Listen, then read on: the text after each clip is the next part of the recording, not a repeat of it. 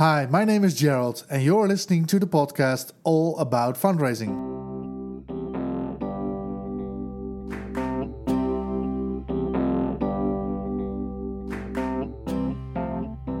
A very warm welcome to the podcast show All About Fundraising.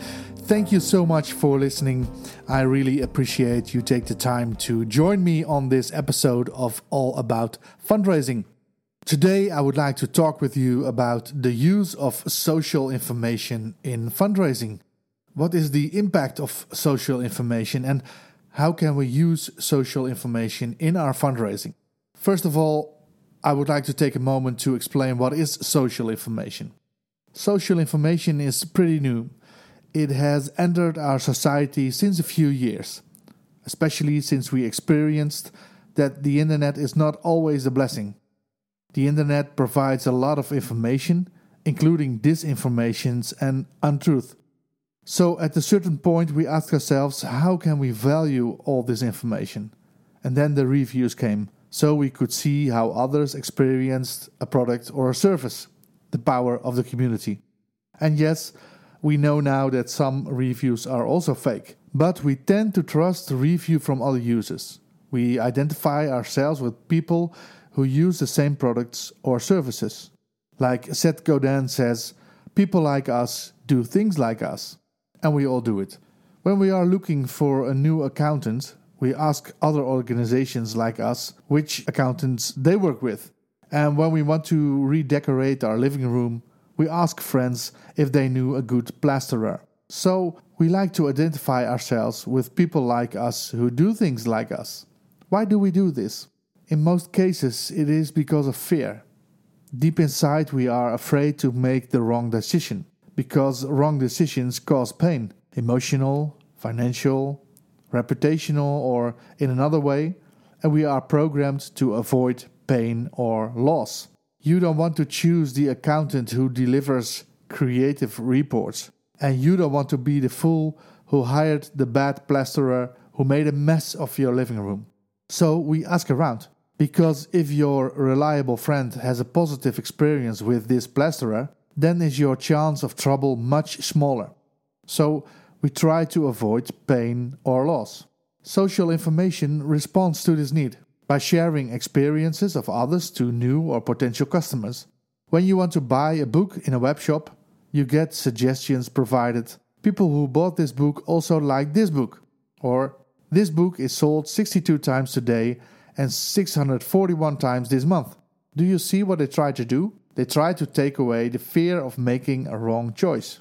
So, how does social information work?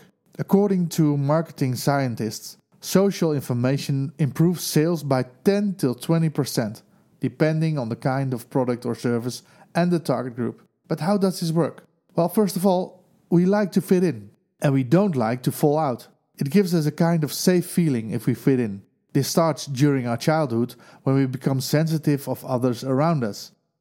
One of the reasons why Levi's jeans were successful in the 90s was that influencers wore these jeans and young people wanted to be like them good looking, independent, and successful. So a few children started to wear them. Then other children in the classroom wanted to be like these children and started also to wear Levi's. And finally, there were the children who didn't give much about Levi's, but they didn't want to fall out. So they went also to the store to get these jeans. This phenomenon continues when we get older.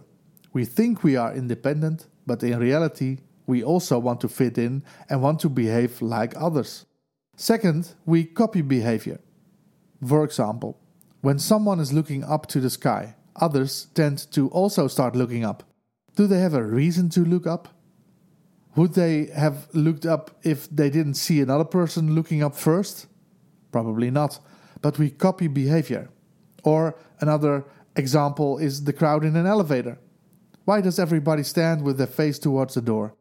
Not because we can move faster the minute the door opens, but because others do it too. We copy behavior. This is tested with elevators with doors on both sides. So, how does this social information apply to fundraising? Well, people do not always know what expected behavior is, and deep inside, we want to know. So, we can help these people. How? For example, by sharing how many people donated to this campaign. 23 people donated today for clean water in Mozambique. Or Harry, aged 52, donated this morning to save lives with clean water. Another way of social information in fundraising is sharing the number of donors. 87 donations were made to cure this disease in the past week. Or share information about the average amount per donation. For example, 23 people donated today for clean water in Mozambique with an average of $32. You can also consider sharing information about donors with your target group. Shirley from Amsterdam donated 25 euros, or Philip, age 62, donated 4 meals for poor people in Uruguay. The kind of social information you share depends on the kind of campaign and the target group. If you use social information online, it is quite easy to test what works for your campaign. Try A B tests in a representative way, and the figures will tell you what works for your charity. You could also use profiles of current donors to raise people with similar profiles, so called lookalikes. If you do not have an up to date donor profile, it would be useful to invest in this. Knowing your donors is useful for a lot of goals servicing your current donors, for example, but also for raising new donors. You could raise at specific characteristics that matches the profile of your current donors, the lookalikes. Or you could aim on a new target group with different profiles. This is a more long-term strategy because it will take more time and effort. The kind of social information you can use is highly determined by social norms and behavior, so it makes quite a difference where you live if a specific kind of social information works or not. Some kind of social information could work excellent in the US, but won't work in Canada or Australia. If you want to benefit the results of working with social information, you must be aware of social norms and behavior before you start. It also helps to make a baseline analysis to have reliable insights. Social information should be related to three things. First of all, urgency. Is it needed that more people donate more money? Second, impact. Do the donations create a significant impact and will the impact increase when more people give more money? And third, reliable. Can I be sure my donation is spent well, especially when more people donate more money, a lot of money is raised? If your campaign doesn't meet these questions, the effort of social information will be limited. Finally, not all donors or potential donors are motivated to give by the same motives. So, know your target group and make sure they can identify themselves with the social information. If you know their desires according to donating, you could help them by sharing the right social information.